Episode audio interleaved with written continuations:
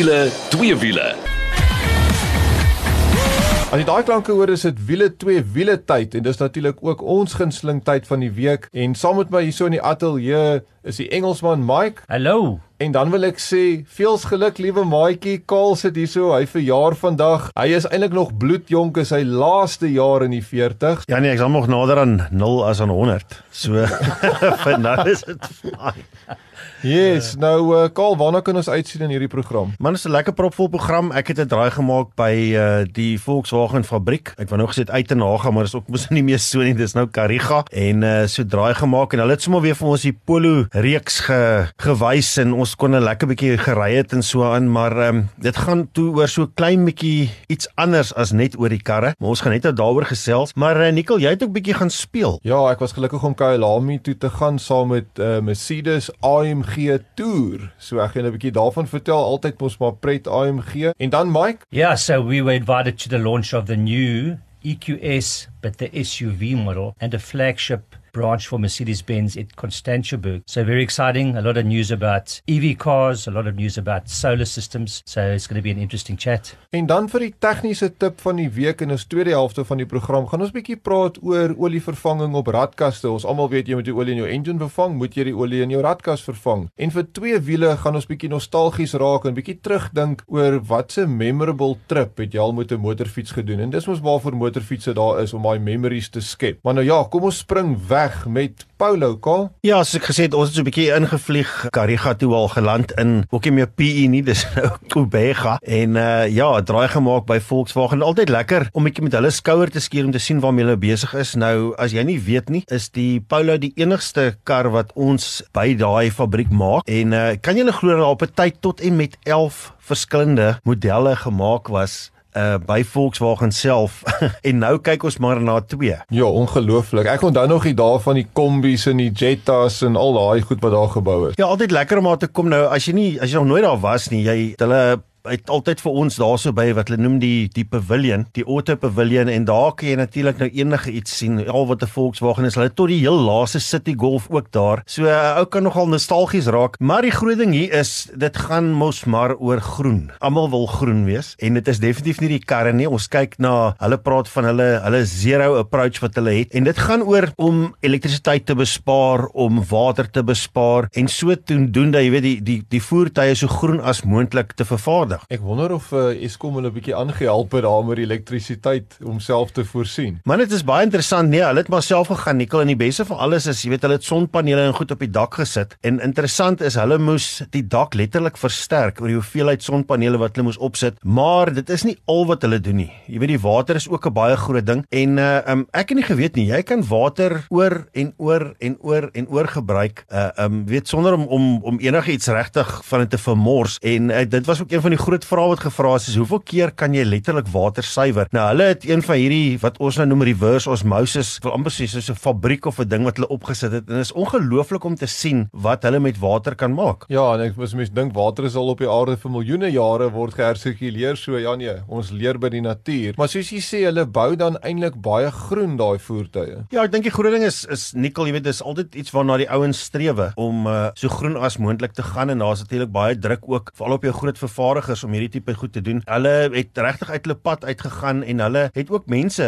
wat hulle aangestel het wat hulle champions noem. So jy weet jy champion byvoorbeeld die verpakking of jy champion hierdie gedeelte of daai gedeelte. So dit is baie interessant om te sien en uh ek weet daar moet ook 'n pleintjie gegee word vir Volkswagen. Maar die ander ding is ehm um, jy weet jy ou kyk na jou na jou Polos en ons weet natuurlik jy kry 1.4 en 1.6 en dan daai 1 liter TSI en hulle het ook nou weer 'n uh, gedaanteverwisseling ondergaan met hulle GT, waar hulle nuwe rims opgesind het, Nicole jou favourite woord daai middellewe kuur gegee het. En uh, dit is maar net weer onderstreep van hoe belangrik die Polo is, jy weet, in ons mark en hoe gewild dit is. Ja, nee, definitief in daai segment is dit definitief een van die leiers. Maar nou ja, ek dink is tyd vir 'n bietjie meer pret te kaal. Ja nee, jy het bietjie gaan speel. Ja, so ek was gelukkig geweest, uh, hulle noem Mercedes noem dit hulle AMG toer. So in Afrikaans is seker nou 'n toer, maar dis nie jy gaan nêrens heen nie, maar jy gaan Kyalami toe. En uh dis baie opwindende tye vir Mercedes AMG, so dit natuurlik ons joernaliste daar onthaal en dit was nie net een model nie, daar was natuurlik nuwe modelle. Ons gaan nou daaroor praat, maar net om 'n idee te gee, daar 'n hele baan uitgeboek. Daar was Gymkhanas, daar was drag races. Jy kom om die baan gery het en soos jy instap daar, die geskiedenis is net so ryk van AMG. Van die eerste modelle daar gehad, en natuurlik SL43 AMG, kom ons sê dit nou maar, daai kar was daar bekend gestel, maar dit al daai SL modelle van die verlede, die Gullwing, die SL280, hulle het selfs hier soos meer moderne SL55 AMG wat blykbaar 'n peyskar was op Kyalami in daai tyd toe ons nog Formule 1 daar gery het. En uh, tot by die nuwe goeters, ja, SL65 Black Series het daar gestaan en uh, en dan wat ook nogal 'n verrassing op die dag was, ons was uh, naby 'n celebrity gewees. Duitse celebrity. Nou vertel ons 'n bietjie meer daaroor want dit is altyd lekker om skouers te skuur met ouens wat op die uh, internasionale front hulle naam gemaak het. Ehm um, net gou vinnig, ek bedoel Kyle Lamy, ons weet natuurlik baie mooi opgeknap en uh, ons het amper 'n Formule 1 resies hierso gehad, maar het jy die baan baie geniet Nikkel? Ja, nee, dis 'n wêreldklas fasiliteit. Daar's geen ander manier om dit te stel nie. Dit voel regtig of jy amper ergens in Europa was. So, kom ons noem dit nou maar Bernd Schneider. Kyk, daai woord is so sinoniem met resies. Mike, jy het al van hom gehoor, verseker, né? Absolute icon in the game eh, for many many many years, ja. Yeah. So as jy praat van DTM, Duitse Tour Motors kampioen, joh, daai man is legendaries. Hy was daar gewees. Sy AMG GT uh, 3 kar was daar wat hy twee joernaliste om die baan gevat het. Ek was ongelukkig het ek nie daai ene ingekom nie. Ehm um, maar ja, net gevindig oor die dag self so A35, A45 45, hulle het ook hy middelewe kuur gehad. Lekker Gymkhana met hulle gery. En jy kan nogals agterkom dat die 45 is net 'n stappie bo die 35. Dis nie net krag nie, dis suspensie manier hoe hy hanteer. Dan vir die grap, nê, het hulle 'n EQ E AMG 43 jaar reg gehoor elektriese karre gaan ook AMG word. Het hulle daar opgestel met 'n drag race met 'n G63 AMG en hulle weet mos nou dis daai gangster mobiel wat ek bedoel as daai ding se V8 gelei lyk klink amper of vir die wêreld laat bewe. En dan hoe daai elektriese karre het onder hom uitseil dis eintlik nie 'n ander woord om dit te sê nie. Vir daai elektriese AMG twee elektriese motors 350 kW ja nee ek bedoel dis net 'n bietjie klinies vir my kol ek, ek weet nie man. Ek 'n ander probleem kom kom ek praat sommer gou daaroor. Die 4 silinders wat nou in die verdere AMG modelle, ons weet die klein hatches en ons almal half gewoond daaraan, maar nou C43 Mercedes AMG, ehm um, die 63, hulle het eendag gehad en net so vinnig ook trots Suid-Afrikaans, ons bou die C-klas hier in Oos-London en die top of the range C63 noem hulle C63 SE, so het elektriese motors by. Hy gaan oor die 500 kW hê, oor die 1000 Newtonmeter. Dis 'n mal ding, maar ook 'n 4 silinder. So ek het met die C43, kyk, hy praat van 300 kW, so dis nie min nie. Het ek om die baan gery, karshantering is goed, die krag is daar. O, natuurlik nou, almal is vierwieldryf. Terwyl die ou goed was mos altyd die C63 was altyd daai rearwheel drive monster. Ehm um, so is maklik om te ry. Ehm um, alles is goed, maar ek mis maar daai klankaal. Jy's in die uitlaatbedryf jy weet mos maar hoe dink 'n petrol het. Ek dink daar um, slaan jy die spyker op die kop Nikkel. Uh, wat gaan ons genoem word oor 'n paar jaar want kan definitief nie meer petrol heads wees nie. Die die groot ding hier is is um, hulle gaan nie vir ons wag nie. Hulle gaan nie vir Suid-Afrika wag nie. Nou kyk, ons sukkel om ons toasters aan die gang te hou, maar die elektriese voertuie is hier om te bly en uh, um jy weet die groot ding is is daai werkverrigting is iets fenomenaal.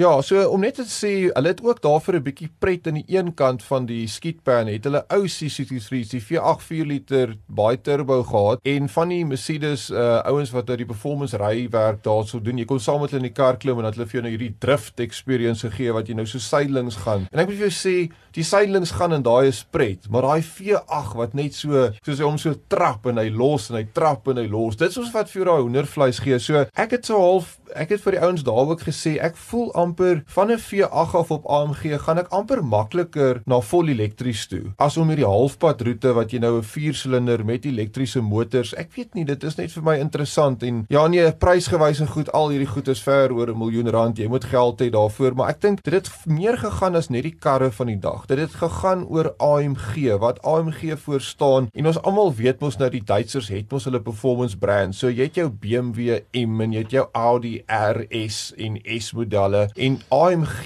is sinoniem met verrigting en hulle het wel die Formule 1 genoem en hulle het gesê AMG in Formule 1 gaan volgende jaar weer wen. So hulle het so half gesê dat hulle weet hulle het 'n bietjie in die moeilikheid met Formule 1 hierdie jaar, maar uh, dit was nog steeds interessant om te sien en te sien waarna toe die brand gaan en dat dit nog steeds dink ek selfs met die elektriese era gaan hulle poog om dit nog relevant te hou. Ja Nicole, ek dink die groot ding is wat mense ook moet verstaan, jy weet jy praat nou van BMW se M en die AMG en Audi se RS. Eh, dit is tog waar hulle al hulle toetswerk en hulle hulle dinge doen wat dan deursyfer na die wil ek amper sê die die goedkoper karre. Maar hoe belangrik is dit vir die vervaardigers? Dis baie belangrik want uh, 'n uh, vervaardiger moet 'n halo kar hê. Onthou as jy het ons tog almal um, kinders was en uh, jong seuns wil ek nou amper sê of dogters en jy het aspirasies van motors, dan jy gewoonlik 'n poster teen jou muur. En dit gaan nie wees van daai kom ons noem dit nou maar die C180 Mercedes nie. Dit gaan 'n AMG model wees en dis waarna jy aspireer en ek dink elke vervaardiger moet hierdie halo karre hê en dis waar AMG so goed doen is om daai halo effek kar vir jou te gee. Soos alhoewel jy miskien nie 'n AMG kan bekostig nie. Miskien kan jy 'n AMG pakket op jou C200 sit dan dit ten minste dan die wiele en dit lyk mooi en so en al het jy nie die performance nie, maar dis die idee dit dit trek jou na 'n brand toe aan, dit lok jou in en miskien koop jy dan een van die goedkoper karre en miskien later as jy nou meer geld verdien, kan jy regtig in 'n AMG ingaan. Maar ja, die dag was opwindend, adrenalien. Uh dis lekker om om Kyalami te gaan. Dis 'n vinnige baan en ehm um, ja, ek sal hom graag wil sien dat daar Formule 1 kar weer daar omry eendag nie. Ja nee, sonder twyfel. Ek dink uh dit moet net nie 'n battery een wees. Ons soek daai geskree en en so veral as dit by die Formule 1 karre kom. Maar Mike, jy sê jy het so 'n bietjie 'n virtuele ding bygewoon. Yeah, so carrying on the vein with Mercedes Benz, the general news is that they've opened up a brand new flag dealership in Constantiaberg. Now, gone are the days with those massive three story buildings with hundreds of Mercs in. They're focusing on customers, the experience, the quality, and that face to face time. So they want real time with them. So the Constantiaberg dealership opened on the 13th of July, and I believe another state of the art one's going to be opened up in the waterfront very, very soon. So this was also done by virtual briefing, as you said. So as Nicole mentioned with these there's just too many people to accommodate in one venue. So the virtual way is the way to go. So the, stain- the sustainability of Mercedes in this country is vital. They put their money where their mouth is. They want to stay. They are definitely going to go electric vehicle without a doubt. It's a premium brand, number one. Number two, they say that the guys that can afford these vehicles can afford their solar powered home. So when you're not using your power at night, your solar system, you can charge your car. And included in this, if you buy a new EQ car now, they give you a fully installed battery charging system. So there's no, they're really looking at the depth of this so one of the highlights they've announced an EQS. Now we've driven the EQS, which is based on that Mercedes S, very powerful, very sleek. But now they've got an EQS in an SUV form. What?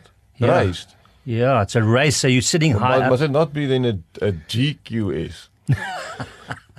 It's called an EQS SUV now. Absolutely eye candy. Nicole, it's beautiful to look at. Not sure about the spec, but I would imagine it's based on the EQS with that 210 kilowatt um, 220 electric motor. So super fast, yeah. But now the, the the quick thing, just on the on the dealership it, itself, you said it's no longer a three-story huge big dealership, and um, you know it's been coming for for quite a while that you know people are talking about buying virtually, going online, choosing your color of your vehicle, your spec level, and things like that. So uh, gone are the days. I mean, so you're actually basically just going in to go fetch your car. So 95% of people already know what they want. They've done the, the checks on the cars. They know what color they want. They've done the maintenance plans in the head. They know what they can afford. So they go, they order the car. When, but when they go fetch the car, that's when Mercedes wants that FaceTime with you because they want to buy you into the brand. They don't want you there for a, for a year or two or three or four. They want you there for absolutely forever. Ja, ek sal maar gewoond moet raak daaraan kaal. Ek hou maar van gaan kyk en vat en voel en inklim en so en ry eintlik. Ja, nee, ek dink ons is almal mal daaroor, maar jy weet, jy het nou vroeër gesê ja,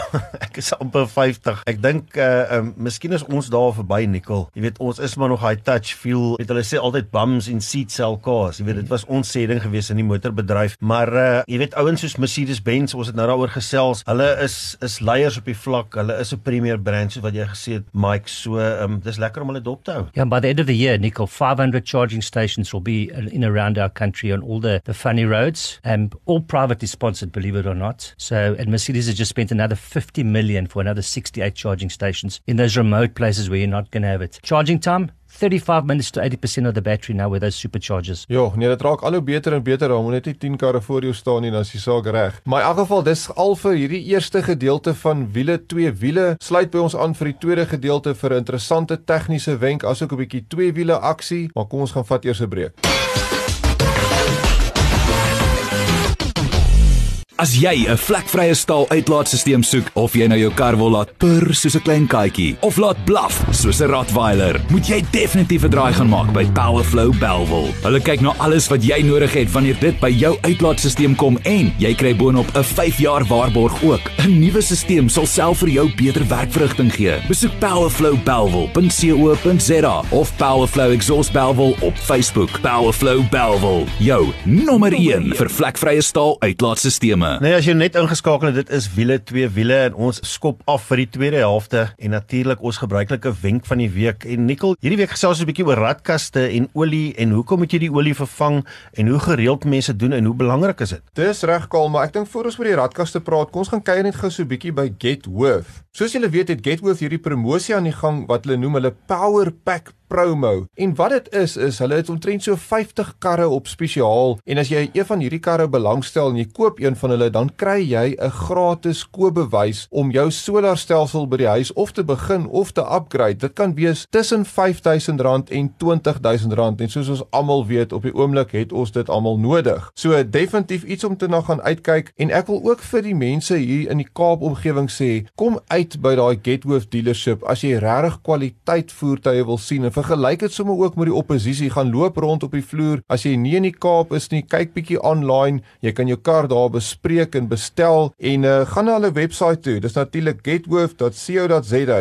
getworth ongeëwenaarde kwaliteit, ongeëwenaarde waarde. Nou ja, Nicole, uh radkaste. Kyk, is eers dit is seker die belangrikste gedeelte van 'n kar buite die enjin, maar hoe belangrik is dit om daai olie te vervang en uh, hoe gereeld moet dit gebeur? Ja, so dis nogals iets wat interessant is. Almal dink daaraan om jou engine te laat diens en die olie te vervang en so aan, maar wie van ons dink aan dat jou radkasolie vervang moet word? So dis nogals 'n interessante een. Ek het uh, nou die dag 'n brief gekry van 'n persoon wat gesê het sy radskakelings begin so bietjie vir hom hakkerig raak en so aan oor wanneer laas het jy olie vervang? Dis hy baie verbaas om te hoor jy moet olie vervang. So dit hang natuurlik ook af watse tipe radkas is in jou voertuig, wat is die vervaardiger so. Oor die algemeen is dit omtrent hier by 100 120 000 km wat die radkas olie vervang moet word. Maar gaan maak seker by jou vervaardiger en ook die model voertuig wat jy ry en ook watse tipe radkas dit is. Ek het heelwat al gehoor kaal byvoorbeeld iets soos hierdie Honda Jazz met hulle CVT radkaste. As daai olie begin oud raak, dan kry hierdie ruk effek. En die ouens dink o, tog my radkas is daarmee heen. Dan vervang hulle net die olie en dan's alles weer 100% reg, maar dit moet met die spesifieke regte olie vervang word. As jy verkeerde uh, olie ingooi, dan het jy nog steeds daai rukkerigheid, byvoorbeeld in 'n Honda Jazz CVT. Maar nou wil ek vir jou hoor, Kaal, um, ken jy die proses om die olie te vervang in 'n radkas? Man, dis iets wat ek uh, elke dag doen nie of